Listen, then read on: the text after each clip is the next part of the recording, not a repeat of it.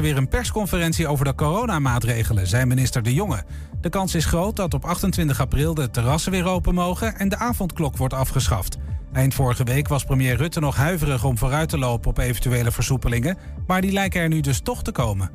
De politiebonden zijn ook niet gelukkig met het testfeest van Field Lab en Radio 538 in Breda. Ze roepen agenten op die daar zaterdag moeten werken om te staken. De bonden willen de werkonderbreking ook gebruiken om aandacht te vragen voor een nieuwe CAO en dat agenten nog steeds niet gevaccineerd zijn. In Amsterdam is de rechtszaak aan de gang over Bas van Wijk, die vorig jaar in een park werd doodgeschoten om een horloge. De verdachte zei in de rechtszaal dat hij twee keer op hem heeft gevuurd, eerst op zijn been en daarna op zijn borst. De broer en zus van Bas kwamen ook aan het woord en zeiden dat ze hem nog iedere dag missen. En voor de deur van het Katshuis in Den Haag houden klimaatactivisten een waken. Ze willen dat een nieuw kabinet Nederland zo snel mogelijk klimaatneutraal maakt. Daarom blijven ze er de hele formatie staan. Overdag is de actie bij het Katshuis en s'nachts vanuit woonkamers. Er is ook een livestream van. Het weer, af en toe zon vanmiddag en vooral in de zuidelijke helft van het land een bui. Het is 12 tot 16 graden. Morgen wat meer zon dan vandaag en 13 tot 18 graden. Tot zover het ANP-nieuws.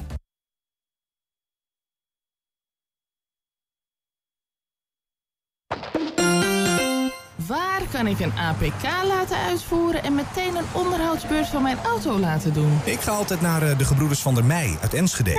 Vakmanschap, passie en echte service zijn kernwaarden van Gebroeders van der Mei. Of het nu gaat om eh, APK-keuringen, reparaties, bandenopslag, totaalonderhoud, deuken verwijderen of een nieuwe trekhaak, zij regelen het voor je. Gebroeders van der Mei vind je aan de Lonnekerbrugstraat 80 in Enschede. Ik, Hendrik Jan Bukkers, mag de winnende bedrijfslogan van de streektaalmaand meer bekendmaken. Hij komt van het Kappershuis in Wien. En geet zo. Het Kappershuis in Wien. Voor het nettere kap- en snoeiwerk halen we het bij ons mooie keunenmerk. Iedereen verlangt naar een leven zonder coronaregels. Vaccineren is hierin de belangrijkste stap. En die stap komt steeds dichterbij. Elk vaccin dat straks is goedgekeurd, is op tienduizenden mensen getest. Zo weten we zeker dat het ons goed beschermt tegen het virus. En ook veilig is. Als we ons laten vaccineren, krijgen we stapje voor stapje meer vrijheid terug. Het is begrijpelijk als je vragen hebt. Antwoorden vind je op coronavaccinatie.nl. 120. Weet wat er speelt in Twente. Iedere dag praten we hierbij over alles wat er in Twente gebeurt. Via radio, tv en online. 120. Een record aantal bijen werd dit weekend geteld tijdens de landelijke bijentelling. Ook bij de Heemtuin in Hengelo telden ze mee. Renske van Wijk en Robin Bekhuis hebben een nobel doel: Twentenaren gelukkiger maken. Opnieuw hebben we een serie verhalen over mensen in de bijstand die zich niet echt geholpen voelen door gemeente Enschede. En met Maud Roetgerink en Emma van Geel praten we over vrouwen en de toekomst van Twente. Het is maandag 19 april en dit is 1 Twente vandaag. We beginnen in Hengelo. Afgelopen weekend is uh, oer-SP'er Jan Heerdink na een ziekbed, ziekbed op 73-jarige leeftijd overleden. Heerdink was in 1972 medeoprichter van de lokale tak van de Socialistische Partij. In de studio is Vincent Mulder, voorzitter van uh, SP in Hengelo. Vincent, goedemiddag. Goedemiddag. En gecondoleerd. Dank. Ja. ja. Uh, we zagen het, uh, het een, een, tijdje aankomen. Jan was uh, de laatste jaren ziek. Hij had longkanker. Ook stoflongen geconstateerd. Hij heeft jarenlang ja, als arbeider gewerkt bij Signaal. Daarna lange jaren bij Stork. en hij is ja, de grote motor geweest achter het machientje van de SP in, in Hengelo vanaf eind jaren 60. De voorlopers van de SP, daar was hij bij betrokken. En in 72 bij de oprichting van de partij was hij uh, een van de eerste mensen die dat, uh, die dat verzorgde. Ja, ja. ja, Die machine die is uh, dit weekend gestopt met draaien, om het zo maar te zeggen. Ja, bij Jan is, ja, was, was de laatste adem eruit. Hij heeft een mooie laatste tijd gehad. Hij was op een hospice, werd hij goed verzorgd door de, door de mensen daar. hij was zeer bij nog, dus zeer geïnteresseerd in mensen. Dat, is dat kenmerkt Jan eigenlijk. Mm -hmm. Heel erg geïnteresseerd in wat mensen beweegt. hoe ze staan ten opzichte van de, de, de de, maatschappelijke omstandigheden en de verhoudingen. En met name, ja, eh, als socialist ben je dan geïnteresseerd in van hoe verhoudt zich het kapitalisme ten opzichte van uh, ja, de, de werkelijke samenleving van de gewone mensen. Ja, ja, ja. Wanneer sprak je hem voor het laatst? Uh, vorige week. Vorige week was ik bij hem in het hospice. En hij was ontzettend eh, blij dat hij eh, onder andere mensen was. Hij, eh, hij woonde alleen. En eh, ja, dat was in de laatste tijd voor hem heel lastig. Mhm. Maar in het hospice kwam hij weer allerlei mensen, jong en oud, tegen. En hij praatte honden uit. Hij was eh, heel erg met de wereld verbonden thuis met internet. Maar eh, ja, dat internet heeft hij eigenlijk bijna niet meer beroerd... sinds hij weer onder de mensen was in het hospice. We hebben een, een foto van, van hem. Ja. Zie je hem. Ja. Prachtfoto, nou, dat kenmerkt Jan. Ehm, Jan zag er altijd eh, nou, zo uit zoals hij eruit ziet. Eh, hij was de arbeider en ehm, ja, soms ongeschoren, maar in ieder geval altijd actief. Eh, je ziet hem hier voor de grote tomaat, zijn grote passie, de SP. En ja, hij heeft voor talloze acties in Hengelo heeft hij echt, eh, is, hij, is hij vaandeldrager geweest. Is hij eh, ja, het, het eh, oliemannetje ook geweest. De motor achter de partij, zo noem je hem net al Ja. even. Ehm, wat heeft hij dan als motor van die partij betekend? Wat heeft hij bewerkstelligd? Ja, het verbinden. In Hengelo hebben we rond de 400, 500 leden. In topjaren hadden we 600 leden. En Jan was degene die al die leden bezorgde. De, het foldermateriaal, maar ook de maandelijkse le- ledenblad, de tribune. En hij sprak altijd met de mensen. Het was niet zo van dat hij dan ongezien iets afleverde, maar hij was continu de verbindingsman met, eh, ja, met mensen, hoe, hoe het met ze ging. En eh, zorgde er dan ook voor dat er bij acties eh, heel veel mensen waren om mee te gaan doen. Echt mensenmens. Ja, absoluut. Maar ook ja, echt socialist. Hij was geïnteresseerd in, in de techniek. Daar, daar kwam zijn metaalarbeid ook vandaan. Dus alle grote technische projecten, dat, dat, eh, ja, daar kon hij eh, zeg maar dagenlang voor reizen... om in Oost-Europa, maar ook in eh, West-Europa... dat soort eh, plekken te bezoeken. Maar ook geïnteresseerd in de natuur, in planten. En eh, ja, heel erg in het socialisme. Dus eh, de Koude Oorlog eh, was een, een, een thema wat hem ontzettend beroerde. Dus hij is ook veel in Oost-Duitsland geweest, te- voor de val van de muur nog, om daar te kijken hoe de situatie was. Ja, ja. Ja. Hoe, hoe, hoe valt het hem dan dat, zeg maar, de, kijk, de wereld is eh, nou ja, veranderd in de afgelopen decennia, minder socialistisch geworden, denk ik. Ehm, is dat iets waar, waar, waar hij mee zat? Want hij vecht voor die zaak en toch Ja. lijkt het dan niet echt aan te slaan. Of, of is socialisme niet meer nodig? Wat, wat is het? Nee, hij vond zeker dat eh, eh, het kapitalisme eh, zijn, zijn klauwen zeg maar, in de maatschappij steek- steeds eh, forser zet. De marktwerking in de zorg, de marktwerking bij het openbaar vervoer, al dat soort zaken, die signaleerde hij en daar was hij mee bezig om de strijd voor aan te voeren daartegen. Maar hij was nooit eh, gedesillusioneerd. Jan kon je nooit betrappen op somber, somberheid. Eh, hij bleef optimist. Socialist is een optimist. Dat, dat is ook een van de dingen die hij altijd naar voren bracht. Dus eh, hij zei, ja, vroeg of laat eh, ga- gaan we winnen. En dat is, dat is een hele mooie spreuk van Jan. Ja, ja. Maar de- ja, toch, toch zie je de SP, zeg maar, ja, die, hebben ook die arbeider in Nederland, die verdwijnt ook wel misschien langzaam. Ehm, ja, de, de, de arbeidsomstandigheden veranderen. Hè. Jan is, is de man die aan de fabriekspoort... 's morgens vanaf half zeven tot, tot half negen... honderden, bij talen soms duizenden mensen eh, een folder in de hand duwden. Mensen kwamen tegelijkertijd naar het werk toe. Als je er nu staat om half zeven en je, je wacht tot half negen... dan komen mensen druppelsgewijs binnen. Er zijn mensen die veel later beginnen. Dus mensen, de, de arbeidsethos en de, en de manier van werken is heel erg veranderd. En dat, eh, dat, dat veranderde ook dat de werkvloer een hele andere werkvloer is geworden. Dus de solidariteit waar Jan eh, eh, aan meewerkte op de werkvloer, Ja. die is moeilijker te organiseren. Dat is absoluut waar. Ja. Is dat ook een probleem voor de SP eigenlijk? Want, want ja, dat gaat over samen, dat gaat over co- co- commune zijn. Hè? Het samen naar de ander omzien misschien wel. Ja, zeker. Zeker. Kijk, eh, neoliberalisme betekende flexibilisering. En die flexibilisering is niet altijd slecht, ook niet voor de arbeider. Maar de flexibilisering ten behoeve van de baas, ja, daar, daar, daar hebben heel veel mensen last van.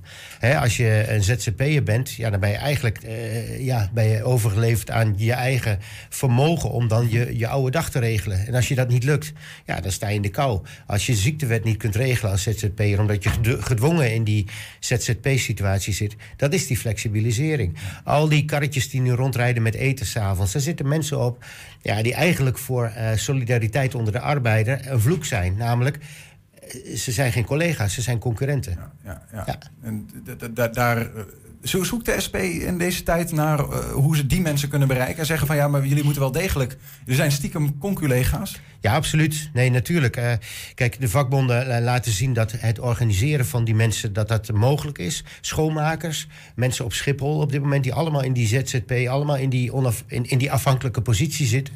Dat ze hun eigen uh, broek maar moeten ophouden. Die mensen zijn te organiseren. En daar is de SP natuurlijk ook mee bezig. Maar het is lastiger in deze tijd. Ja. Terug naar Rooie Jans, zoals ik ja. begrepen heb dat hij heet. Ja. Dat is vanwege het rode karakter van de SP of had hij ook? Want hij heeft niet echt rood haar, geloof ik. Of nou, nee, maar Jan is natuurlijk uh, een kind van de, van de tijd. In die zin van. Hij komt uit een uh, gereformeerde familie. Uh, geboren in Delden, uh, enig kind van, van twee ouders. En dat was een heel conservatieve gemeenschap.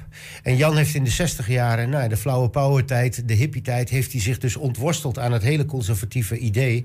Maar kwam wel in conservatief Hengelo te werken.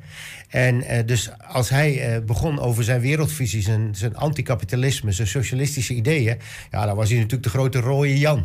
En uh, hij, liet niet, uh, ja, hij, liet, hij liet niet over zich lopen. Maar aan de andere kant, hij was ook niet een soort missionaris... dat iedereen maar uh, achter het socialisme aan moest lopen. Hij liet mensen in zijn waarde. Maar hij was natuurlijk wel de rode apostel onder de arbeiders. En zo werd hij ook herkend. En hij is gekozen in de OR bijvoorbeeld bij Stork. En dat betekende ook dat mensen grote waardering hadden... voor zijn inzet en voor de strijd die hij voerde om betere arbeidsomstandigheden te krijgen bij Storm. Voor die, voor, die, voor die arbeiders daar. We hebben, we hebben nog een foto. Uh, een, een, mooie foto van hem. Voorgrond ja. herkennen we uh, Wim Kok, Ruud Lubbers.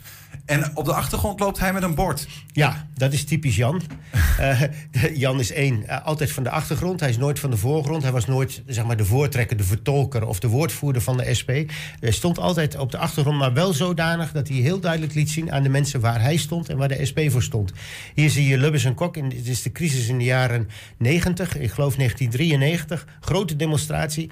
En Jan ziet in zijn ooghoek ziet hij Lubbers en Kok uit een kamertje, uit een gebouwtje komen. En hij erachteraan. Er is een fotograaf dan die dat opvalt en die deze mooie plaats schiet. En uh, ja, hier staat handen af van de WHO. Dit is het plan waarbij uh, Lubbers en Kok probeerden om ja, die, de mensen die in de WHO zaten, om die te dumpen. Uh, richting ja, de werkloosheid en, en geen uh, ziekteuitkering. Het was natuurlijk een, een, een groot, grote schande in die tijd. Mm -hmm. En uh, daarmee heeft de SP met die actie onder andere... hebben we onze eerste twee kamerzetels oh, ja. Hij ja. staat daar een beetje aan de wieg van het ja. kamerbestaan van de, ja, de prote protestantenpartij toch wel. Ja. De demonstrantenpartij die Zeker. SP is. Zeker. Um, Marijnissen en, en Poppen zijn toen in 1994 voor het eerst gekozen in de Tweede Kamer. En sinds die tijd is de SP goed vertegenwoordigd in, in Den Haag. Ja. Je had het net al even over, over Stork, hè? Daar, ja. waar hij dus blijkbaar ook in de OR al zat. Ja. Uh, en dus een soort van ja, het, uh, de, de, de, directie van Stork uh, kon tegenwicht kon geven vanuit de, de werknemers. Um, toch is hij daar, begreep ik, ontslagen vanuit, vanwege zijn linkse activiteiten. Ze vonden het een beetje too much. Um, nou, kijk, het, het, was natuurlijk niet uh, direct uh, dat ze zeiden van... omdat jij links bent, uh, sturen we je de laan uit. Maar Jan was natuurlijk wel een pain in the ass voor de directie... en voor de, het management in, bij Stork. Mm -hmm. Dus toen er ontslagen moesten vallen, toen was Jan een van de eerste. Maar het was wel lastig, want hij was OR-lid. Dus dat ging niet zonder slag of stoot. Dus men ja, moest naar de kantonrechter... om Jan zijn ontslagaanzegging gedaan te, te, krijgen. Daarmee heeft hij ja, eigenlijk geregeld dat hij... nou ja, op een goede manier daar kon vertrekken. En, daarna heeft hij nog uh, voor, voor Stork Services gewerkt. Ja, ja. Dus, uh, maar waarom werd hij ontslagen dan? Nou ja, er was toen, uh, in die tijd was, was grote werkloosheid. Het was ook in de jaren, eind jaren negentig. En daar had Jan natuurlijk ontzettend veel last van. En streed in de, in de OR voor behoud van arbeid. En behoud van arbeidsplaatsen. Ja. En dat, ja, dat, uiteindelijk kostte hem dat ook zijn baan. Ja, ja. Hij is tot slot dan op een gegeven moment ook negen jaar geleden, geloof ik, ge gelauwerd binnen de. SP voor zijn verdiensten. Met een, vond ik wel een mooie, een zilveren tomaat. Ja, klopt. Ja, nee. Uh, een verdienste die op lokaal niveau het hoogste is wat je kunt bereiken als, uh, als SP'er. En ja, wij hechten niet zo aan, aan uh, die paraphernalia en de, en de speltjes en de, en de toeters en bellen. Maar Jan, ja, wat ik toen was het 40 jaar, inmiddels is het bijna 50 jaar dat hij zich actief heeft ingezet, dag en nacht voor de partij. Mm -hmm. En dat is allemaal op vrijwillige basis. Dus het is niet zo van dat, dat hij daar op een of andere manier voordeel uit had. Sterker nog, al zijn benzinegeld, al zijn, zijn, zijn kilometers, al zijn voetzolen heeft hij versleten voor de partij. Dus die 40-jarige inzet die werd toen door Sadat Kar- Karabulut... eh, Tweede Kamerlid van de SP, werd die hem opgespeld. Ja, ja, misschien wel tegen, ja, niet tegen wil en dank, maar van hem had, had er was ook een beetje de man van ja, dat hoeft allemaal niet zo, Nee. niet zo op de voorgrond, zoals je al zei bij Nee. die foto. Nee, precies. Het, het ging op zijn gewone dagelijkse doordeweekse trui ging de speld. En die speld, eh, nou, daar was hij blij mee. Hij was blij met de erkenning en ook blij met ja, het feit dat hij geverteerd werd. En eh, ja, zo heeft hij de laatste jaren op een goede manier kunnen terugkijken op, op heel veel wat we bereikt hebben in de SP in Hengelo. Ja, nog één ding wat me toch te binnen schiet. Ehm, eh, de, de, de toekomst van de SP zonder eh, Jan eh, is wel ook deels met zijn nalatenschap. Want hij heeft een deel aan de partij ge- geschonken, begreep ik. Klopt, ja, hij heeft, hij heeft gezegd van, nou ja, wat ik nalaat, hij was enigskind. Hij laat geen familie achter. Eh, zijn vader en moeder zijn overleden. Eh, dus hij heeft bedacht dat hij... Had ook eh, geen kinderen, Nee, kleinkinderen? nee, hij is ongetrouwd. Althans, kinderloos. Hij heeft een korte periode van trouwen gehad, maar hij is kinderloos gebleven. En ja, hij heeft bij een notaris laten weten dat hij zijn nalatenschap aan de SP laat. En het past geheel in de stijl van Jan. om dat te doen. Want ja, zijn grote toekomst was eh, nou ja, socialistisch Nederland. Vincent Mulder, dank eh, voor je komst en eh, sterkte de komende tijd eh, met Ja. de leegte die achterblijft na het overlijden van Ja, Jan we Heer. gaan woensdagavond om eh, 7 uur in Borne bij het crematorium gaan we hem herdenken. En mensen die zich daarvoor willen aanmelden, er is nog plek. Er mogen 50 mensen maximaal bij, dus ze kunnen zich melden. Meld je even bij Vincent Mulder, dank. Renske van Wijk en Robin Bekhuis die hebben een nobel doel: Twentenaren gelukkiger maken. Zometeen praten we met hen. Ja, afgelopen weekend was de landelijke bijentelling. Ja, dit weekend werden er een record aantal bijen geteld. In heel Nederland waren het er ruim 1700.000 bijen. Bij de Heemtuin in Hengelo telden ze ook mee. Nou, we zijn hier op de Heemtuin. Vandaag is in het kader van het project de Nationale Telling van de Bijen. En eh, op deze Heemtuin zijn eh, allerlei planten die van oorsprong in Twente en in Nederland groeiden. Dus er is een grote diversiteit aan, aan planten. En die diversiteit aan planten brengt ook meer een diversiteit aan verschillende dieren die hier zijn. Nou, vandaag zijn we hier om te kijken naar verschillende bijen die hier zijn. We zijn hier op de tuin geweest en ook op, iets verderop in de Beleefbos. Die, eh, bo- deze bomen, die was hier de bruine, die boomhommel. Ja, en die andere, die, de, die grote dikke die er vloog, was volgens mij een steenhommel.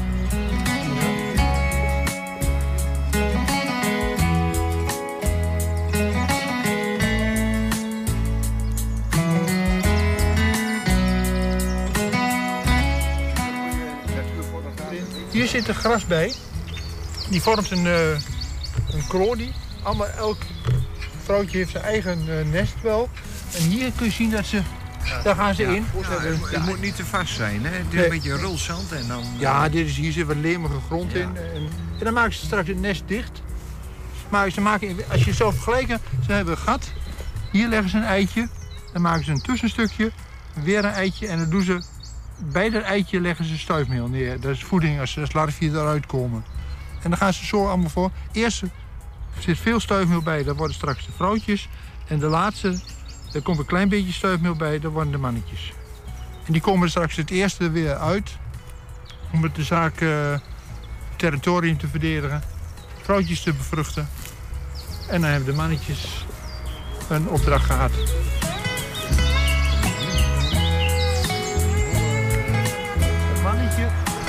Vrouw van de vrouwenwil, er zit heel veel stuifmeel uh, is daar eh, te halen. eh. het is helemaal vol met, met hommels. Prachtig bovenin. En ook een wilde bij daarboven. Daar zit er een, eh, een dikke... Daar. Ja, ja, daar ging ze een dikke. Ja. Ja, ja, ja. Nou, is toch aardig? Eén, twee soorten, drie, zo vier, vijf, zes. En we hebben inderdaad eh, gezien dat er eh, met name hommels vliegen. Nou, een wilde bij was hier eh, heel goed te zien, die, die ook nestelt. En het is toch, ja, eigenlijk gezien de koude week van de afgelopen tijd... Is, valt er nog meer wel gezien hebben. Ik denk, schat, we hebben het ingevuld. Nou, vijf, zes, zeven soorten hebben we al gezien. En zeker in een bos was een grote wilg. Nou, Nou, daar vlogen veel hommels op en die uh, prachtig stuifmeel verzamelden. Want dat is heel erg uh, belangrijk. Maar die variatie hier uh, geeft een beeld. Tja, bijen tellen. Hè? Dan Renske van Wijk heeft een uh, nobele taak. Twentenaren gelukkiger maken. Ze leidt een project waarin uh, met tukkers wordt gesproken en samengewerkt. Met als doel hen twee jaar langer gezond en gelukkig te houden. Er wordt gewerkt uh, aan voorkomen van ziekte, maar ook aan een gezondere leefstijl. En technologie speelt daarin dan een belangrijke rol. Renske, welkom. Ja, dankjewel. Um, jij keek naar de video net en je zag van dit, is, dit is wel, raakt wel wat wij doen. Ja, dit is, uh, een, uh, we zeggen wel eens als, als voorbeeld... wat is citizen science nou, burgerwetenschappen? Daar ja. gaat het over in ons project. Um, en dat is dat, dat burgers samen met onderzoekers samen onderzoek doen. Nou, en in zo'n bijentelling, net als de vogeltelling... die veel mensen denk ik ook wel kennen... Uh, gaan nou ja, mensen zoals jij en ik in de tuin zitten kijken... van wat zie ik aan vogels voorbij komen. En die geven dat door. En de onderzoekers kunnen met die kennis weer veel meer leren over...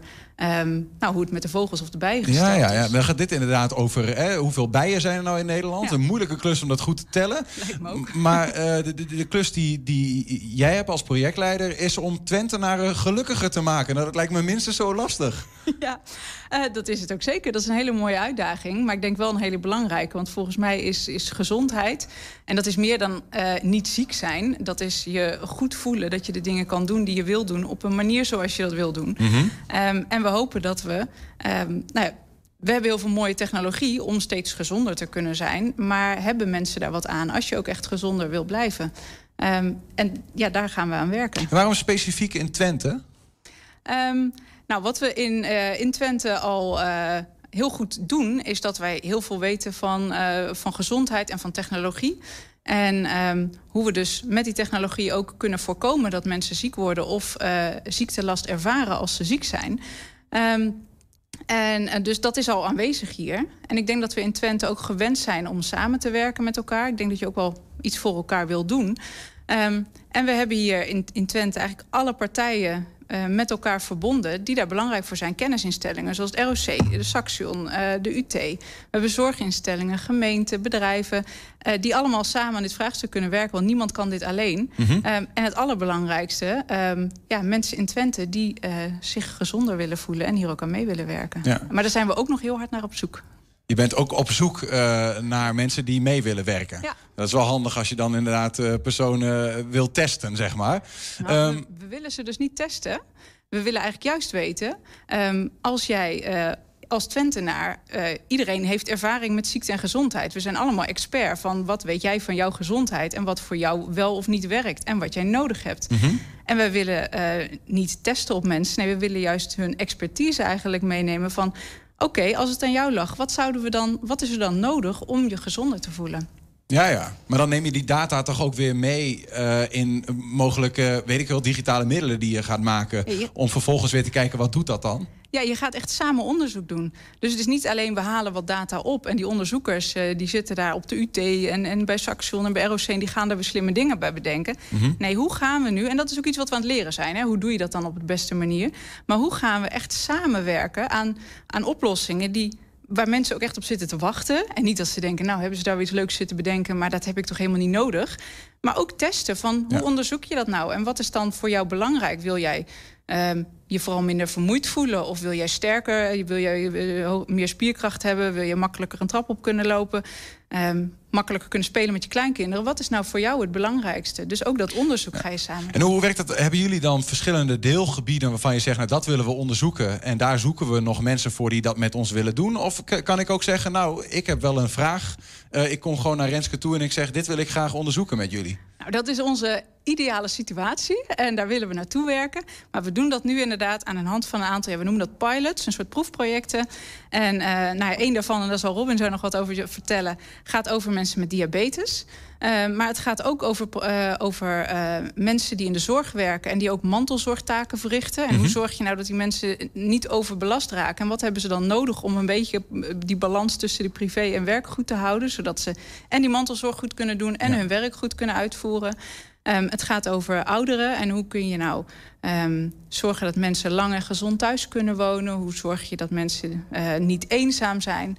Uh, dus dat doen we aan de hand van een aantal, uh, aantal onderwerpen nu.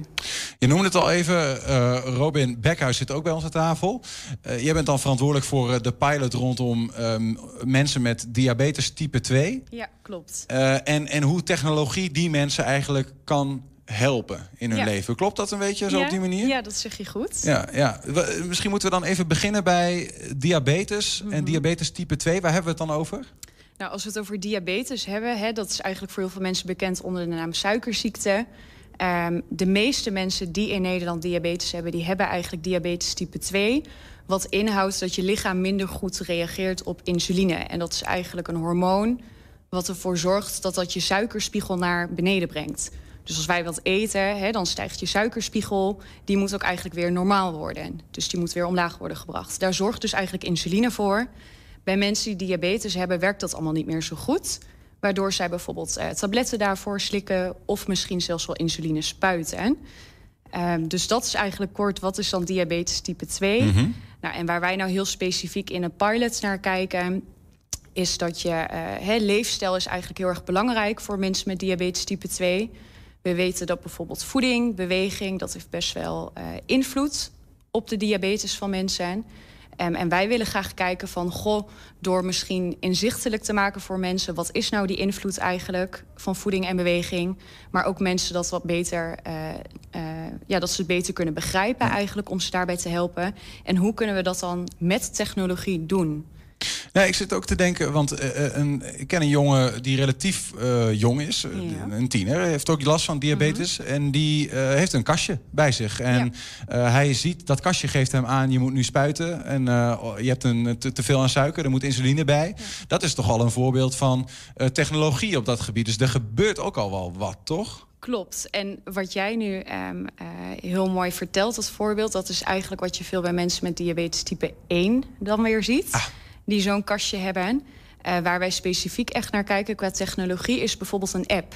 Een app wat, um, waar mensen bijvoorbeeld voeding bij kunnen houden, uh, beweging bij kunnen houden. Of misschien wel, we dragen tegenwoordig heel vaak allemaal zo'n smartwatch, uh, stappenteller. Dat je dat koppelt aan je telefoon. Mm -hmm. nou, en al die informatie die jij verzamelt, en bijvoorbeeld ook jouw suikerwaardes, hoe die allemaal met elkaar samenhangen, invloed op elkaar hebben. En daar eigenlijk persoonlijke adviezen aangeven. Uh, een stukje coaching wat je daarin kunt stoppen in zo'n app. Dat zijn eigenlijk de soort technologieën waar we, ja, waar we naar kijken in ja, de pilot. Ja. Hoe dat mensen kan helpen. Um, Renske noemde het al even. Jullie zijn op zoek naar uh, mensen die mee willen doen. Ja. Misschien voor dit project, misschien wel voor meerdere projecten. Ja. Binnenkort komt er een soort online bijeenkomst aan. Uh, ja, en dat is inderdaad iets waar we heel specifiek bij, uh, bij Robin in de pilot binnenkort een, op 29 april, volgens mij hebben jullie ja. een bijeenkomst. Ja, klopt. Op donderdag 29 april, twee keer eigenlijk. Uh, eentje in de middag en eentje in de avond. Van uh, middag van half één tot half twee uit mijn hoofd. Mm -hmm. En s'avonds half zeven tot half acht. Um, en daarin kunnen mensen kunnen zich daarvoor opgeven via de website. Um, en daar kunnen ze eigenlijk kennis maken met de leveranciers van technologieën die ze kunnen uitproberen. Uh, daar kunnen ze vragen stellen aan die leveranciers. Maar ook zijn er onderzoekers aanwezig van Topfit Citizen Lab... die eigenlijk heel erg benieuwd ook zijn om samen met die mensen die dit gaan uitproberen... te uh, onderzoeken van wat zijn nu eigenlijk jullie verwachtingen ook van dat gebruik van die app... Uh, hoe ervaren jullie het? Dus om echt samen met die mensen te kijken van... ja, voldoet dit ook aan jullie wensen mm -hmm. en, en eisen... en hoe gaan jullie dit ook toepassen in je leven met diabetes? We, we hebben volgens mij de website ja, ja, bij ons op de achtergrond staan. Ik weet niet of dat zichtbaar is. topfitcitizenlab.nl slash meedoen. Uh, daar kun je dus terecht als je, als je mee wilt doen. Maar is dat dan, wat de vraag is natuurlijk altijd... Ja, is dat dan gewoon uh, uh, gratis? Zeg maar voor je, voor je meedoen kun je gratis die apps gebruiken? Ja, voor deze proefperiode, zoals we het eigenlijk noemen... kunnen mensen gratis gebruik maken van die technologie. Voor ongeveer een duur van vier maanden. Oké, okay, dus uh, als je, je bent een proefkonijn en daarmee krijg je het ook alvast. Uh, de rel is dat je gratis van de middelen gebruik kunt maken. Nou ja, ja, nou, ja, de rel is dat wij heel graag van hen ook ervaringen horen en verwachtingen. En dat ze graag mee willen helpen uh, als co-onderzoeker eigenlijk. Mm -hmm. in, ja, in onze pilotgrip op diabetes. Kan Ja. iedereen meedoen? Of het is denk ik wel handig en niet zo fijn, maar wel handig als je ook diabetes type 2 hebt, denk ik? Of hoeft dat niet eens? Dat is wel een voorwaarde. Eh, en dat je 16 jaar of ouder bent. Ehm, en wat wel handig is, is als iemand een beetje overweg kan met eh, een mobiele telefoon. Ja, dat is soms ook nog wel de vraag inderdaad. Ja. Ja, Ja. Eh, Renske, is dat nou ehm, eh, de eerste pilot die van start gaat eigenlijk rondom dit hele citizen science ding in Twente? Het zit, het Topfit Citizen Lab. Ehm, nee, er zijn er eigenlijk vijf die, die redelijk tegelijk lopen. En ze zitten in verschillende fases. Mhm. Ehm, en in de meeste pilots zie je dat er op enige manier al wel een bepaalde samenwerking is geweest. Ik heb wel het idee dat in het project van diabetes... dat al de meeste echt eh, eh, eh, bijeenkomsten zijn geweest... tussen onderzoekers en, en mensen met diabetes. En ik wil ook nog wel even benadrukken dat... eh, dat het inderdaad echt voor iedereen is. En soms eh, hoor je ook wel eens van... goh, maar onderzoek doen, ja, dat is niks voor mij. Of eh, ja, daar weet ik toch helemaal niks vanaf. Ehm maar dat is helemaal niet erg, want de onderzoekers weten hoe je onderzoek moet doen. En eh, wat ik net ook al zei... Iedereen weet wel wat hij of zij ehm, ervaart in zijn leven. En wat hij wel of niet nodig heeft. En of dat hij een mobiele telefoon, wat hij daar wel of niet mee doet. En die informatie is juist heel belangrijk. Dus eh, nou, ja, je moet wel overweg kunnen met een mobiele telefoon. Maar als je een hele hoop apps alleen maar irritant vindt, is dat ook heel goed om te weten. Ja. Eh, omdat we er juist naar op zoek zijn van wat werkt nu voor verschillende mensen. Ja, ja, ja, ja, ik moet even denken aan een app die ik ken... die je dan al helpt om je dagelijkse gewoontes beter te maken. Had laatst met een vriend van mij over die zei... ja, ik heb het gebruikt, maar na een tijdje wordt het, bleef het toch een beetje hetzelfde. Dus was ik minder geïnspireerd. Ik denk dat veel mensen het wel kennen... dat je een app gaat gebruiken om eh, iets beter te doen in je leven... en na een tijdje haak je toch weer af. Ja. Het, het blijft ook een, een intrinsiek ding wat je wel moet willen. Ja, de grote uitdaging eh, is natuurlijk bij gedragsverandering. Dat is super moeilijk. En dat vindt iedereen heel moeilijk. En eh, als ik ook naar mezelf kijk, dan denk ik, nou, ik weet op heel veel vlakken echt wel wat goed voor me zou zijn. Maar dat wil nog niet zeggen dat ik het ook meteen doe. En ja, bij de, bij de een helpt een, een andere soort motivatie dan de ander. Ik ging laatst die app ommetje gebruiken en ik ging ineens allemaal lopen. Ja, ik vind dat competitieve element wel leuk. Dat ik met mijn collega's in een groep zit en dat we punten kunnen verdienen. En dat je dan hoger dan een ander eh, terecht kan komen. Ja. ja dat werkt misschien voor mij wel. En misschien voor, voor Robin weer niet. En die heeft wat anders nodig. Die wil veel meer weten. Ja, maar ik wil juist weten hoeveel calorieën ik heb verbruikt. En, wat er, ehm, en hoeveel kilometer ik heb gemaakt. En ik ben misschien alleen maar geïnteresseerd in die punten. En ook dat wil je onderzoeken. Wat Ja, motiveert tuurlijk. jou nou? En, en welke app is dan geschikt voor jou? Of welk middel? Dat zijn wel interessante vragen. En ja, het is een hele grote uitdaging. Want als we allemaal gezonder willen zijn, daar zit natuurlijk een heel belangrijk deel, is wel je gedrag. En hoe kun je daar dan iets in, in veranderen met elkaar? En kan technologie daar een stukje bij helpen? Eh, Waar komt het vandaan dat, dat, dat, je dat, nu aan het, dat we dat nu aan het inzetten zijn? Zeg maar? Wat is de aanleiding geweest om dit, nou ja, dit, dit Topfit Citizen Lab in het leven te roepen? Nou ja, aan de ene kant een hele mooie ontwikkeling. We worden allemaal steeds ouder.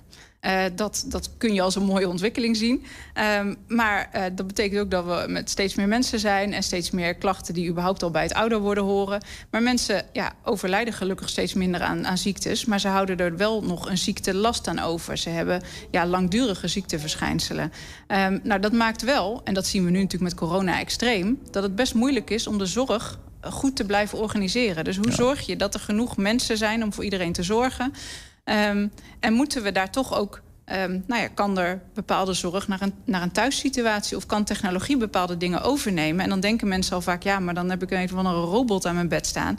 Nee, het idee is natuurlijk juist dat je technologie inzet... zodat dus de mensen die in de zorg werken... ook echt het mensenwerk kunnen doen. Maar de dingen waar ze... ehm, die je kan laten overnemen door technologie... Of, of technologie op een slimme manier... zodat je lekker thuis kan blijven... en niet in een ziekenhuisbed hoeft te liggen... ja, daar kunnen we nog heel veel winst bij halen. En daar komt dit ook vandaan. Als je dat zo in een thuissituatie gaat brengen... of zo gepersonaliseerd, zoals we dat zeggen... passend bij de persoon gaan ontwikkelen... ja, dan moeten we dat met elkaar doen. En Ja. dan kunnen niet de, de arts in het ziekenhuis bedenken... wat de patiënt nodig heeft. De onderzoekers op de universiteit kunnen dat niet zelf bedenken. Dat moet je samen doen met... Met patiënten of met gezonde burgers die gezond willen blijven. En die, de- soms kun- kan een computer het nog beter dan wij zelf. Hè? Eh, Oh, ja, Zelfs dat. nog. Het, eh, ja, het analyseren van, eh, van data en dan weer een advies geven wat, eh, wat past. Ehm, dank dames. Eh, Renske van Wijk en Robin Bekhuis eh, voor, voor jullie komst. Eh, even nog één keer, wanneer was de, de bijeenkomst? Donderdag 29 april. Donderdag 29 april. Je kunt nog meedoen Ja. eh, via de website. eh, die stond in beeld. En eh, daar kun je waarschijnlijk ook terecht als je de andere pilots wil bekijken. Hè? Of je daar een, iets in kunt betekenen. Precies, dit vind je vast wel. Dat is dan gewoon op de topfitcitizenlab.nl website. Ga even kijken. Renske van Wijk en Robin Bekhuis. Dank jullie wel. Dankjewel. Ja. Vlaggetjes in 140 hondendrollen om het probleem letterlijk te markeren. Ja, helpt dat? Nou, straks hoor je dat dus. Maar eerst, de bijstandswet is streng, maar hij wordt eh, ook nog eens streng uitgevoerd. En moet dat? Kan dat niet anders? Nou ja, precies dat is de vraag van een onderzoek dat op last van de gemeenteraad is gestart. Wij gaan in de komende week een aantal nieuwe en recente verhalen vertellen waarin die vraag centraal staat. De eerste die komt deze week online. Ja, ik praat erover met mijn collega, lief gewaardeerde collega Ernst Bergboer. Welkom Ernst. Hallo. Ehm, wat voor een verhalen zijn dit zoal? Uh, het, het, het, zijn uh, verhalen, ja, het, zijn recente bijstandsverhalen, zeg maar. Uh, ook weer voor een belangrijk deel, niet alleen uit de, de, de, de, de advocatuur, uit, uit de praktijk van advocaten. Um, uh, ja, waarin je vragen kunt stellen over, jongens, kan dit niet anders? Eigenlijk precies een beetje wat jij in je inleiding zei. Moet dit nou zo en kan dit niet anders? En, en uh, wordt dat dan in de vorm van uh, weer video's, zoals we dat voorheen hebben uitgebracht? Of een beetje audio? Hoe, hoe ziet dat eruit? Nee, nee we, de, de vorm kan elke keer een beetje anders zijn. We gaan niet meer acteurs vragen om, dat, dat, dat doe je op, mm -hmm. hè, om een korte monoloog te doen en op die manier zeg maar, dat verhaal te vertellen. Uh, of mensen vertellen het zelf. Het eerste verhaal wordt door, uh, nou in dit geval gaat het om een mevrouw. Die vertelt haar verhaal zelf in de vorm van een podcast. Um, kan ook zijn dat we verhalen gewoon opschrijven, een artikel van, uh, van maken, misschien een video. Um, maar heel vaak, weet je, het probleem is een beetje dat dit vaak mensen zijn die of nog in een procedure zitten met de gemeente, dat kan. Mm -hmm. Of die, nou, het, het, is een beetje gevoelige informatie. Dus niet iedereen wil um, open en bloot dat verhaal vertellen. We, we, we gaan uh, zo meteen even naar een fragment luisteren. Um, moeten we daar nog wat info bij geven? Of wordt nou, dat vanzelf duidelijk? Even handig om te weten. Dit gaat over een uh, relatief jonge vrouw, ergens in de 30. Ik weet niet precies exact de leeftijd, weet ik zo niet meer uit mijn hoofd. Uh, die 2,5 jaar geleden um, de, de, de, kinderen had van 3 en 5 toen geloof ik. Ja, drie en vijf jaar. Zeg maar, nou, dan hoef je eigenlijk verder in, in de bijstand hoef, heb je dan geen, geen arbeidsverplichting, zal ik maar zeggen. En die kozen voor om haar toekomst zelf vorm te geven en wilde een studie gaan doen. Uh, maar die studie, een studie in, in, de, in, in de zorg, een opleiding in de zorg, uh, daar kreeg ze geen toestemming voor. Dus dat verhaal heeft ze verteld en daar hebben we nu een fragmentje van waar we naar gaan, gaan we luisteren. Even, gaan we even naar luisteren. Ja. Eerst heb ik um, aangemeld voor de stageplek, uh, hm. voor de um, ROC. En daarna heb ik een AM-test afgelegd. En nadat ik de uitslag heb gekregen dat ik toelaatbaar ben, dat ik aan kan, heb ik gelijk uh, een stageplek uh, uh, gezocht via internet, overal. Mm -hmm. Nergens was ik um, aangenomen, omdat ik geen werkervaring heb, omdat ik ook geen vooropleiding heb. Ja. En ja, en toen ben ik in aanmerking gekomen met een, een stageplek waar ik daar um, ook de studie kan volgen, dat het daar betaald wordt vanuit hun instelling. En dat ik een baangarantie krijg als ik mijn diploma heb. En dat was heel. Um, dat was wel een heel trots gevoel. Ook ja, uh, als, je, als ik aan mijn toekomst uh, denk. Uh, dan ga je met plezier de opleiding in, ja. want je hebt een baangarantie. Dan ga je meer jezelf meer besteden aan, aan studie. Van, ja. Dus je had. En dit was dus even een kort fragment daarvan. Ernst, uh, uh, hoeveel verhalen gaan wij ongeveer vertellen? Ja, dat, dat, dat, we kijken wel, maar ik, ik heb geen vast aantal. Maar een stuk of zes, zeven liggen er in ieder geval klaar. Het kan zijn dat er een paar meer worden. Maar het stopt hier nog niet, dan denk ik toch? Want nee. ze zegt nu, ik heb, een, ik, heb een, ik heb een baan in het vizier. En dat is, zou je zeggen, dat is mooi nieuws. Ja, dat is zeker mooi nieuws. Maar het, het, het wonderlijke is dat deze mevrouw die heeft, wilde studie in de zorg gaan doen. niveau 3, toelatingsding uh, gedaan bij de ROC. Uh, kwam in aanmerking. Vond een werkgever die en de studie wilde betalen... haar een stageplek ja. bood en een baangarantie. En toch uh, heeft de gemeente in dit geval geen toestemming gegeven... om die studie te doen. Want dat moet je officieel vragen als je in het bijstand zit. En dat is natuurlijk een bijzondere situatie. Maar eh, eh, eh, waarom dan niet? Want wacht even, wel even, zoals ik het begrijp, hè, heb je in Nederland heb je de participatiewet. Je krijgt bijstand als je daarvoor ook bijvoorbeeld soms solliciteert. en, of naar een doenbeurs gaat. Ja. En nou solliciteert die vrouw, krijgt ze mogelijk een baan, kan Ja. ze mogelijk wel uit die bijstand geraken. En dan mag dat niet, ik snap het niet. Nee, kijk, ik, ik ga af op het verhaal van deze mevrouw. En ik, ik, ik, heb, ik, heb, ik, ik, heb nog, ik heb dit verhaal nog even bij de gemeente neergelegd om te vragen hoe dit nou precies zit. Ehm, maar wat zij vertelt in haar verhaal is dat de argumentatie van de gemeente was dat zij eh, de- deze opleiding duurde aanvankelijk twee jaar, is toen verkort naar anderhalf. De gemeente geeft toestemming voor een jaar. Je mag dus een jaar ehm, met behoud van uitkering een studie gaan doen. Maar dat tweede half, dat, dat, dat, dat tweede stukje, het laatste half jaar, daarvan wilde de gemeente dat de werkgever haar loon zou gaan betalen. Maar die werkgever zegt, ja, dat doe ik niet. Ik betaal al de opleiding. Ehm, en zij is dan nog niet gediplomeerd. Dus ik ga haar geen loon betalen. Ik wil haar anderhalf jaar die studie. Die bekostig ik. Nou, dus het, het lijkt er een beetje op, maar dat weet ik niet. Is dat de gemeente heeft een soort algemeen beleid voert. Van ja, en we, we, we, we geven toestemming voor een jaar, maar niet langer dan een jaar. Daarna moet er wat gebeuren. Terwijl de Haagse wetten. Nou, de participatiewet geeft eh, twee jaar en eventueel zelfs nog een half jaar eh, eh, daaraan ruimte voor mensen om zich te ontwikkelen, om uit die bijstand te komen. Dus dit zou een voorbeeld kunnen zijn, maar dat weten we nog niet helemaal van de hoed en de rand. Waarin Enschede een strengere besluit maakt dan Den Haag eigenlijk ehm, voorschrijft dat het zou kunnen zijn. Precies, en dat wordt een beetje de insteek van al deze verhalen. eh, is dat hier elke keer de vraag boven komt van... is dit nou eh, eh, zeg maar een beslissing die voortvloeit uit de participatiewet? Van ja, we moeten dit beslissen, want dit is wat de wet voorschrijft. Of biedt de wet misschien toch meer ruimte dan, nou ja, dan lokaal gedacht? Precies wat, wat, wat eh, de gemeenteraad nu ook laten onderzoeken eigenlijk. Dus daarmee helpen we eigenlijk de onderzoekers. Nou ja, misschien wel een klein beetje. Deze verhalen lagen er al. En het plan om deze verhalen te gaan vertellen lag er ook al. Dus in die zin loopt dat toevallig, min of meer toevallig parallel. Maar natuurlijk voed je daarmee in ieder geval wel het maatschappelijk gesprek over dit thema. Maar het wordt worden niet weer 30. eh, van- Nee, dat wordt een beetje veel. Ja. Maar wel een stuk of vier. Ja, kijk, weet je, en, en wat we eigenlijk willen gaan doen in die verhalen, ja, dat is misschien dat is al wat evident, maar is dat we de wetteksten er leggen naast de praktijk. En dan, kijk, we zijn geen juristen, dus ik ga daar, we gaan daar geen, eh, niet eens met damstee van klop, klop, dit is mijn uitspraak en daarmee moet u het doen. Ik bedoel, die, die, op die stoel gaan we niet zitten, maar we gaan wel de vragen stellen. En, en dan, eh, nou ja, als, als, en dan, en, en, maar ook aan de gemeente, van, nou ja, hoe, hoe zit het nou? Is dat nou algemeen beleid, lokaal beleid? En waarom precies? Eh, Meer van dit soort verhalen gaan we vertellen, ja. Gaan we meemaken. Binnenkort eh, zien we je dus alweer terug. Wow, dat weet ik niet, maar wie weet, vast wel. ja, morgen al, maar om een andere reden. Ernst, dankjewel. Ja. De Willem Wilming-prijs voor beste kinderlied 2021 werd dit weekend uitgereikt. Zometeen zie je de winnaars. Het stinkt naar hondenpoep bij het veldje. Dat wordt ingeklemd tussen de Lindenstraat, het Joosink Morsplein en de Plataanstraat in Enschede. Ja, en dat is niet gek. Er ligt namelijk ook gigantisch veel hondenpoep. Zoveel dat kinderen er bijvoorbeeld niet meer mogen spelen. Daarom namen de bewoners eh, het heft in eigen handen. Afgelopen week staken ze vlaggetjes in de hondendrollen om het probleem daar letterlijk te markeren. Hondenbezitters die de drollen van hun hond eh, netjes opruimden, die kregen dit weekend ook een cadeautje. Aan de telefoon is bewoner van het Joosink Morsplein Petra te Paste. Petra, goedemiddag. Ja? Hi. Ah, Petra. Ja, ik ben er. Ja, Hi, kijk aan. Ja, eh, is de actie geslaagd? Ja, absoluut. We waren aangenaam verrast. We hebben 's ochtends, eh, nadat we vorige week die 140 vlaggetjes hebben geplaatst, hebben we even nog een ronde gelopen om te kijken hoeveel vlaggetjes we bij moesten plaatsen.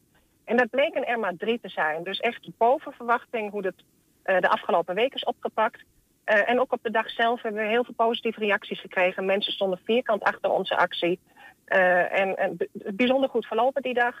Eh, vandaag hebben we nog even een ronde gemaakt en nauwelijks iets bijgekomen. Dus vooralsnog zijn wij heel erg blij met de resultaten. Even, om- even om het eh, helder te krijgen hoor. Je hebt in twee weken tijd ehm, heb je 140 vlaggetjes kunnen plaatsen. Exact. En nu is dat eh, in, in hoeveel dagen tijd zijn er maar drie à vijf bijgekomen? Dat was dus in een week dat we drie vlaggetjes hebben moeten bijplaatsen. Ja, dat is, echt, dat is echt een hele vooruitgang. Ja, onvoorstelbaar. We hadden er niet van tevoren verwacht. En je kunt je voorstellen dat we heel erg blij zijn met het resultaat. Maar- En dat we hopen Ja. dat het zo blijft. Ja, want dat is natuurlijk wel eh, het ding. Nu, nu zijn die vlaggetjes en die drollen weer weg, neem ik aan. Want op een gegeven moment ruim je dat dan ook weer op. Ehm, En ja, nu is ook weer het, het zichtbare markeringspunt voor die, voor die drollen. Ja, die, die is weg. Dus misschien. Of, of is het wel zo dat het, dat het kwartje bij de bewoners wel een beetje is geland bij die hondenuitlaters daar? Nou, de, vlaggetjes hebben natuurlijk het probleem wel pijnlijk eh, zichtbaar gemaakt. Eh, dus dat bewustzijn, dat, dat mag ik hopen dat dat zeker toegenomen is. Eh, en we hebben zelf ook al gezegd, we zullen het toch moeten blijven herhalen. Want het is blijkbaar zo dat als mensen het niet zien, dat de kans dan groter is dat het weer toeneemt. Dus wij gaan zeker hier vervolg aan geven. Wellicht niet in eh, dezelfde vorm en mate, maar je zult ons toch echt vaker gaan zien op het Jozink Moosplein. Ja. Is, het, is het gek dat ik denk van, is dit nou aan, aan bewoners om dat op deze manier best wel om, omslachtig 140 vlaggetjes maken en in de eh, 100 rollen prikken? Want dit is niet iets wat de gemeente zelf ook eh, zich aantrekt? Eh, ze trekken het zich wel degelijk aan, alleen hebben beperkte middelen om, eh, om in te zetten. Wat ze kunnen doen is extra handhaving sturen. Eh, maar ja, je kunt je voorstellen, die komen op een moment op een dag. En de kans dat je dan een overtreder treft is natuurlijk vrij klein. Er staat nog geen bord in, de, bord in, de, in, in, in, in, het- gras van... hé, hey, laat je hond even ergens anders kakken. Eh, die is in bestelling. Eh, maar ja, weet je, de, de plicht is, is gewoon heel duidelijk voor hondeneigenaren om hondendrollen op te ruimen. Dat mag iedereen verondersteld worden te weten. Eh, maar niet iedereen volgt dat op. En, en dat is natuurlijk wat we op heel veel andere manieren zien. Ook in het verkeer. Er zijn regels, maar niet elke regel wordt opgevolgd. Ehm, en de gemeente heeft daar niet alle controle op. En wij hebben natuurlijk de ogen veel meer gericht op het pleintje. En kunnen mensen eh, veel directer aanspreken op het moment dat we het zien gebeuren. En we zien nu een, eh, een, een zakje ook in beeld die, eh, die werd gegeven aan de inwoners. Daar staat op, bedankt voor het schoonhouden van het Jozink Morsplein.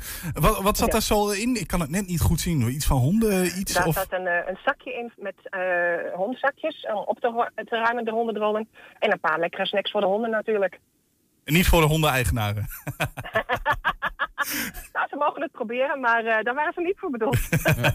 nee, we stonden daar de hele dag. We hadden koffie en thee. We hebben eh, echt uitgebreid gesproken met een aantal mensen. Dat was eh, van meerwaarde voor de contacten binnen de buurt. En, en ja, zo ben je lekker zichtbaar. En het was een positieve toon die we de hele dag hebben gevoerd.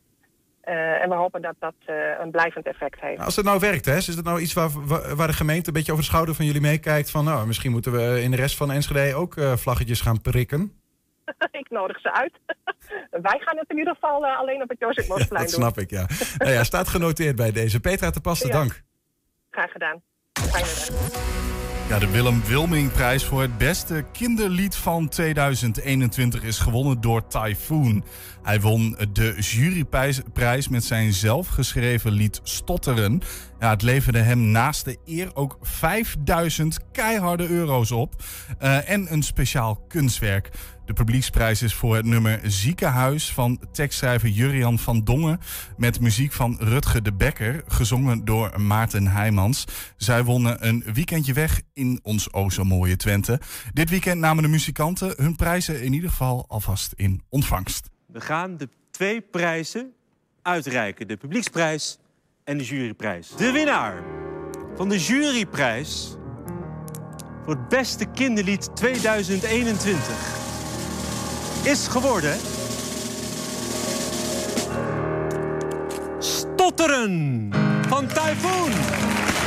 Wow, wow, wow, wow, wow. Typhoon, waar ben je?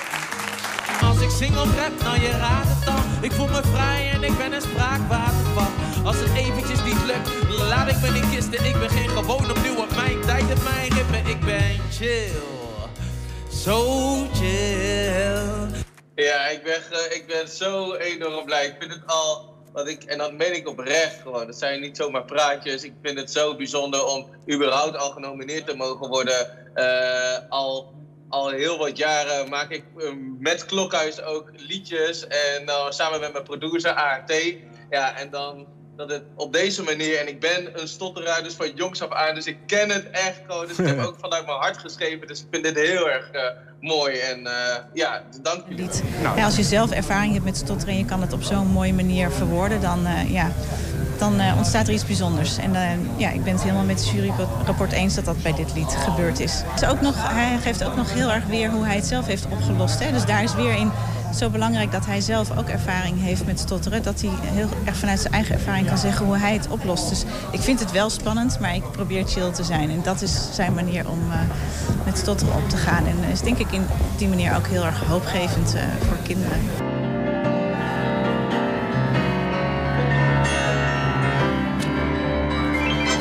De publieksprijs de Willem Wilmingprijs 2021 gaat naar...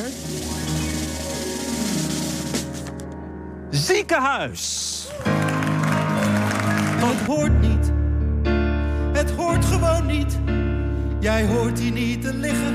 Ik hoor hier niet zo dom te staan met halfzachte beloftes van beter worden en dan weer naar huis toe gaan. Ja, totaal verwacht, ja. ja. Ik ben wel op mijn Facebook gezet, dus ik heb wel flink gedeeld. Ja. Ja, je weet niet hoeveel mensen dat bekijken of beoordelen of eh, stemmen. Dus, eh,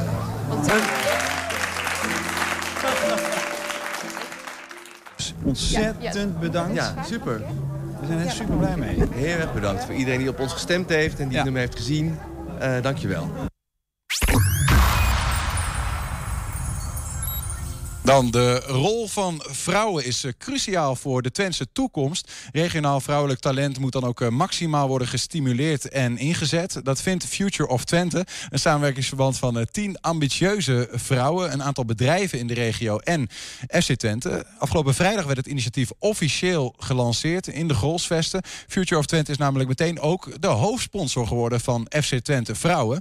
Aan tafel is Maud Roetgering, 13 jaar profvoetballer geweest bij FC Twente Vrouwen.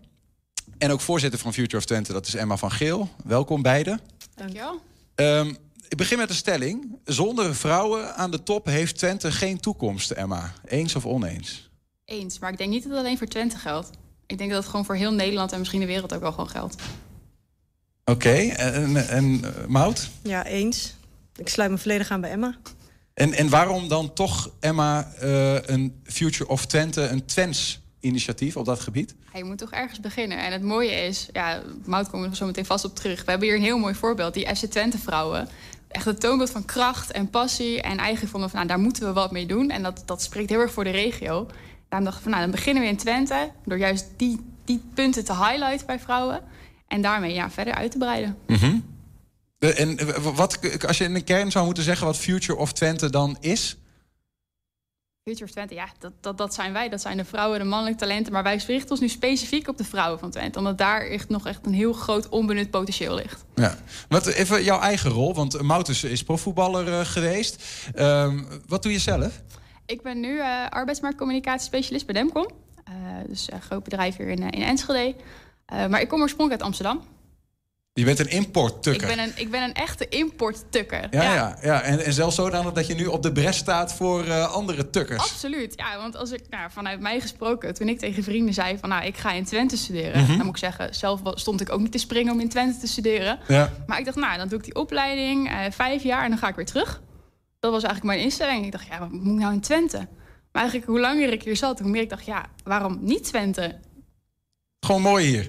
Nou ja, niet alleen mooier, maar er zitten ook mooie bedrijven. En eigenlijk, volgens mij, Twente staat te springen om talent. En daar maakt het niet eens meer uit of het man of vrouwelijk talent is. Het is gewoon belangrijk dat je laat zien, ja, wat, wat wil je doen? Ja, daar krijg je gewoon de kansen voor hier. Mout, um, jij komt wel uit, uh, uit Twente, uit Enter. Ja, jij wist zeker. al hoe mooi het hier was. Ja. En hoe mooi de mensen zijn en de bedrijven. Zeker. Um, maar ook uh, de sport. Je hebt 13 jaar gevoetbald voor FC Twente Vrouwen. Voetbal en vrouwen, dat is nog niet zo heel lang echt een match die wat uh, bekender wordt. Klopt. Hoe is dat? Om als vrouw in een voetbalwereld in een, van mannen toch wel vooral te zitten? Ja, ik denk dat, dat, dat die vergelijking nog steeds heel erg wordt gemaakt. Ik denk, voetbal is van oudsher natuurlijk een mannensport. Uh, vandaag de dag nog steeds. Uh, maar je ziet wel dat er stappen worden gemaakt. Um, ik denk aan het begin van mijn carrière, als ik een wedstrijd speelde... stond er denk ik 50 man langs de lijn. En, um, Wanneer was dat, je begin van je carrière? Bij FC Twente. Ja? Uh, het begin van FC Twente Vrouwen zelf. In welk 2000, jaar ongeveer? 2007. 2007? Ja.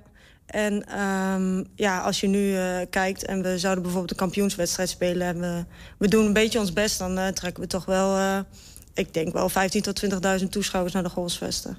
Dat is een uh, ver verveelvoudiging ja, van uh, die 50 in het begin. Ja. Hoe, hoe kan dat? Heb je daar een verklaring voor? Nou, de laatste jaren natuurlijk met het succes van de Oranje Leeuwinnen, denk ik. Uh, die hebben het gewoon gigantisch goed gedaan. Uit het niets. Uh, voor ons kwam dat natuurlijk niet uit het niets. Maar um, die hebben een gouden lichting.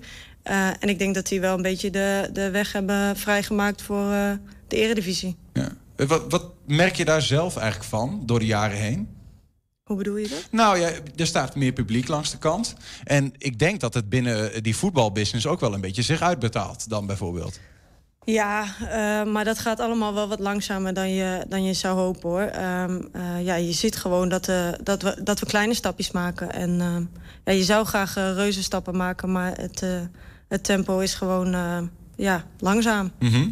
Het, nou is het natuurlijk, ik denk wel, nou ja, toen het profvoetbal nieuw was, ook bij de mannen, toen was dat eigenlijk bij de mannen ook wel een beetje zo. Hè? Men, men, men had er bijvoorbeeld een sigarenwinkel bij of zo. maar ik begrijp van uh, dat jij een voorbeeld hebt dat je gewoon zelfs ooit nog je eigen voetbalschoenen kocht. Nou, niet ooit. Dat heb ik mijn hele carrière gedaan. Um, ja, er is, er is gewoon een hele grote. Uh, ja, er is gewoon een heel groot verschil tussen de toppers en uh, de normale voetballers in de eredivisie. Mm -hmm. Er zijn een aantal um, speelsters die een Adidas of Nike contract hebben. Maar er zijn meer speelsters zoals ik die dat niet hebben. En dus ja. gewoon hun eigen voetbalschoenen moeten kopen. Maar heb je dan, want ik, ik kan me voorstellen dat mensen zeggen die kijken en denken: ja, maar goed, vrouwenvoetbal, uiteindelijk je hebt het over die 20.000 langs de kant, maar op, op tv misschien verkoopt het wat minder, mensen kijken er minder naar.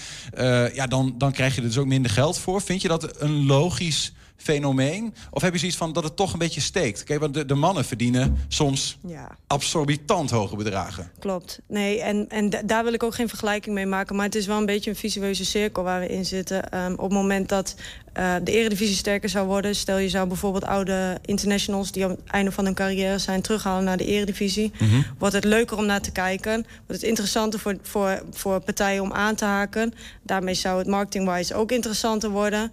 Uh, dus ja, dan zou er ook uh, uh, meer geld in omgaan. Ja. Alleen ja, we moeten die stappen gaan maken. Um, Emma, je, je vertelde al even, importtukker komt uit Amsterdam, blijft hier blijven hangen. Ja, blijkbaar was Future, Future of Twente daarvoor niet nodig. Want dat bestond nog niet. Nee, dat bestond toen nog niet. Maar ik moet zeggen, toen ik hier ja, kwam en ik, ik, ja, je bouwt een band op uh, en je ziet in één keer de kansen in de regio. En je merkt gewoon, als ik met mijn vriendinnen uh, belde of uh, nou daar naartoe ging, dan hoorde ik gewoon, ja, ik, ik kwam zoveel, ik kom mezelf zoveel makkelijker in de kijkers spelen hier dan wat ik van hen meekrijg uit een zeg maar, groter bedrijf waar zij dan mee te maken hebben. Ja. Ik, ik, zoek toch ook nog een beetje naar wat, dan, wat, je, wat je met Future of Twente dan uiteindelijk echt wil. Zeg maar. is, het nou, is het een emancipatieclub of is het meer dan dat? Het is veel meer dan dat. Maar wat het denk ik vooral is, is um, vrouwen, eigenlijk wij onderling, houden onszelf vaak gewoon nog veel te klein. Dus het is, um, als jij op het schoolplein staat als moeder en je werkt vijf dagen in de week en je hebt de carrière en je hebt ook nog de kinderen daarnaast, krijg je best wel gauw de vraag: hey, hoe zit het nou? Uh, heb jij wel genoeg quality time met je kinderen? Dus zolang wij elkaar op die manier blijven benaderen, is het ook raar om inderdaad te zeggen van ik ga inderdaad vijf dagen in de week werken en ik ga die carrière bouwen. Dus het, het zit in ons hoofd, maar ook in de cultuur dat we daar iets mee moeten. Mm -hmm. Elkaar wat meer aansporen om toch voor die topfunctie ja, te gaan. Of ja, zo. als je dat wil, dan moet je die gewoon kunnen najagen. Als ik, als ik zeg, ik heb de ambitie om inderdaad later een eigen bedrijf te runnen. En mijn vriendinnen zeggen tegen mij van, goh, ja, maar hoe doe je dat met je kinderen? Dan denk ik, oké, okay, wij zijn 28. Um, zou dat uit moeten maken? Nee, je kan eerder misschien vragen van, goh, uh, nou ja, hoe ga je dat dan regelen misschien? Ja. In plaats van gelijk dat belerende van... hé, hey, uh, maar denk je wel na over je, je, je vriend, je huis, je kinderen... wie doet de schoonmaaktaken dan? Ik bedoel, je kan ook zeggen, hé, hey, gaaf, uh, ga ervoor. Hoe zit dat voor jou nu op dit moment dan, Mout? Want je bent vorig jaar gestopt met, met, met profvoetballer zijn. Ja, dan, dan gaat een voetballer kijken naar, ja, wat ga ik dan doen? Ja, dat klopt. Uh, ik heb er wel mijn hele uh, carrière studies naast gedaan. En ik ben vorig jaar ook afgestudeerd van de Universiteit Twente. Um, toen heb ik een half jaar uh, geprobeerd bij ons in, uh, in het bedrijf, Roetrik Mode en Schoenen in Enter. Um, en na een half jaar begon de voetballerij toch een beetje aan me te trekken. En toen uh, heb ik Paul van de Kraan opgebeld en toen zei ik van... zullen wij eens een kop koffie gaan drinken? En uiteindelijk werk ik nu voor FC Twente Vrouwen fulltime. Wat doe je dan? Ik ben accountmanager. Um, alles wat met commercie te maken heeft, komt langs mij. Ja. Zeg maar. Maar heb je, want je noemt net de, dilemma's, hè, de vrouwen die zeggen van nee, je bent ook uh, een vrouw, misschien wel ooit moeder, dat weet ik niet. Ik weet niet wat, wat je wensen daarop zijn, maar denk je wel eens over na van ja, uh, lastig? Of denk je gewoon van nee, ik ga er gewoon voor en ik ga voor het hoogst haalbare? Ja, dat zit toch wel een beetje in mij. Ik maak me niet zo druk om al die, nou, randzaken wil ik het niet noemen, maar dat zijn dingen voor later.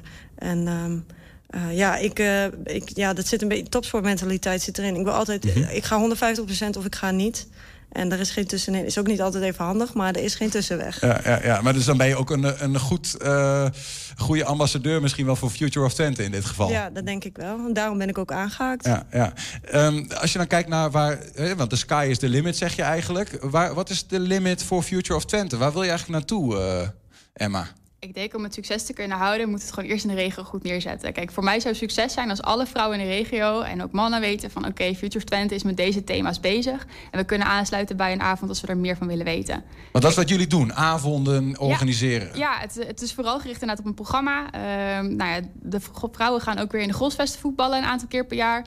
Daaromheen krijgen wij de supportgroep ter beschikking. En daar kunnen wij voor lezingen, uh, workshops zorgen. Maar verder door het jaar heen willen we nog meer activiteiten organiseren rondom die thema's. Uh, die we dus ook gaan ophalen bij onze partners. Mm -hmm. Nou ja, de, een grote stap is gezet met uh, shirt slash hoofdsponsor van FC Twente Vrouwen worden. Ja, ja, hoofdsponsor geworden. Ja, kat in het bakkie. Dat was heel gaaf. Heel ja. gaaf. En dan te bedenken dat we dit in zes maanden met elkaar hebben geregeld. Ik ga nog een, een, een, een, gewetensvraag misschien wel stellen aan jullie beiden. Wat zou er eigenlijk niet van de grond komen um, als er in Twente geen of te weinig vrouwen zouden, zouden meedoen op de, op de plekken die ertoe doen, zeg maar? Nou, wat zou er niet van de grond komen? Ik vind dit echt een lastige... Het is een moeilijke vraag? Ja. Het is een moeilijke vraag. Ja, wat, wat nemen vrouwen nou...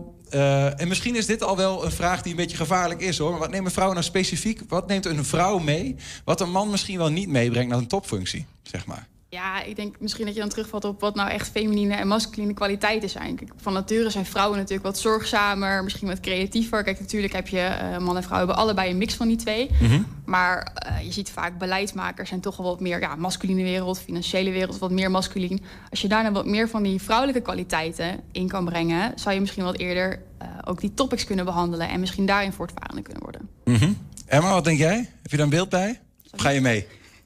Zij is Emma. Ik zeg het maar. Oh, sorry. Gut, uh, Mout, pardon. Geef niet. Nee, ben ik het mee eens. Ik denk, uh, ja, ik denk dat vrouwen wat emotioneler zijn door de regel heen uh, dan mannen. Dus ja, als je van twee kanten iets hebt, dan kom je in het midden uit. Denk ik altijd beter dan als iets alleen maar links of rechts georiënteerd is. Ja, ja, ja.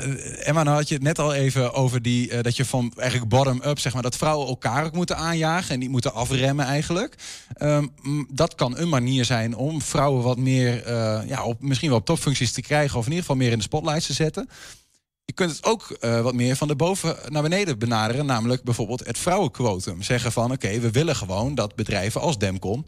Uh, een x-aantal vrouwen in het uh, board heeft of wat dan ook. Is dat een idee of ben je daar zelf niet zo van? Ja, vrouwenquotum vind ik zelf misschien lastig... maar misschien omdat het ook wel best wel een negatieve lading heeft gekregen. Ik denk dat het belangrijk is, en dat vinden de partners die bij onze organisatie zijn kennelijk ook...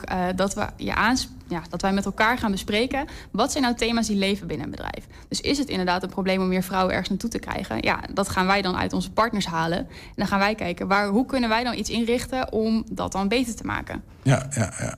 En wat is voor nu jouw oproep als voorzitter van Future of Twente... aan Twentse gemeenten, Twentse bestuurders, Twentse onderwijsinstellingen? Ik denk sowieso, we hebben nu vier, we willen tien partners hebben... Uh, die echt gaan ons helpen met het beleid maken... Uh, en de workshops inrichten die we willen gaan organiseren. Nou, daar hebben we nu vier van gevuld. Uh, we hebben dus nog plek voor zes bedrijven die zeggen... nou, wij willen kartrekker zijn op dit onderwerp. Wij vinden het belangrijk en wij willen ook meedenken over die Future of Twente. Dus die positie sowieso. En voor alle vrouwen in Twente, maar ook mannen die dit onderwerp interessant vinden... zou ik zeggen, ja, ga ons volgen op social media. We hebben inmiddels een Facebook-account, een Instagram-account en een LinkedIn-account. Daar gaan we ook iedereen op de hoogte houden van de workshops die we gaan organiseren. En ja, kijken of er iets tussen zit wat je, wat je aanspreekt. Ga dat zien. Emma van Geel en uh, Maud Roetgering. Dank voor jullie komst en succes met Future of Twente. Dank je wel. Ja, en daarmee nemen wij ook afscheid uh, van deze uitzending van 120 vandaag. Terugkijken kan direct via 120.nl. En vanavond om 8 en 10 uur zijn we ook nog eens live te zien. Ik sluit hem nu helemaal zonder Niels Veuring af. Maar ik ga jullie wel zeggen dat er zometeen een nieuwe editie van de Kettingreactie is met Henk Ketting. Veel plezier en tot morgen. 120. Weet wat er speelt in Twente. Nu het ANP-nieuws.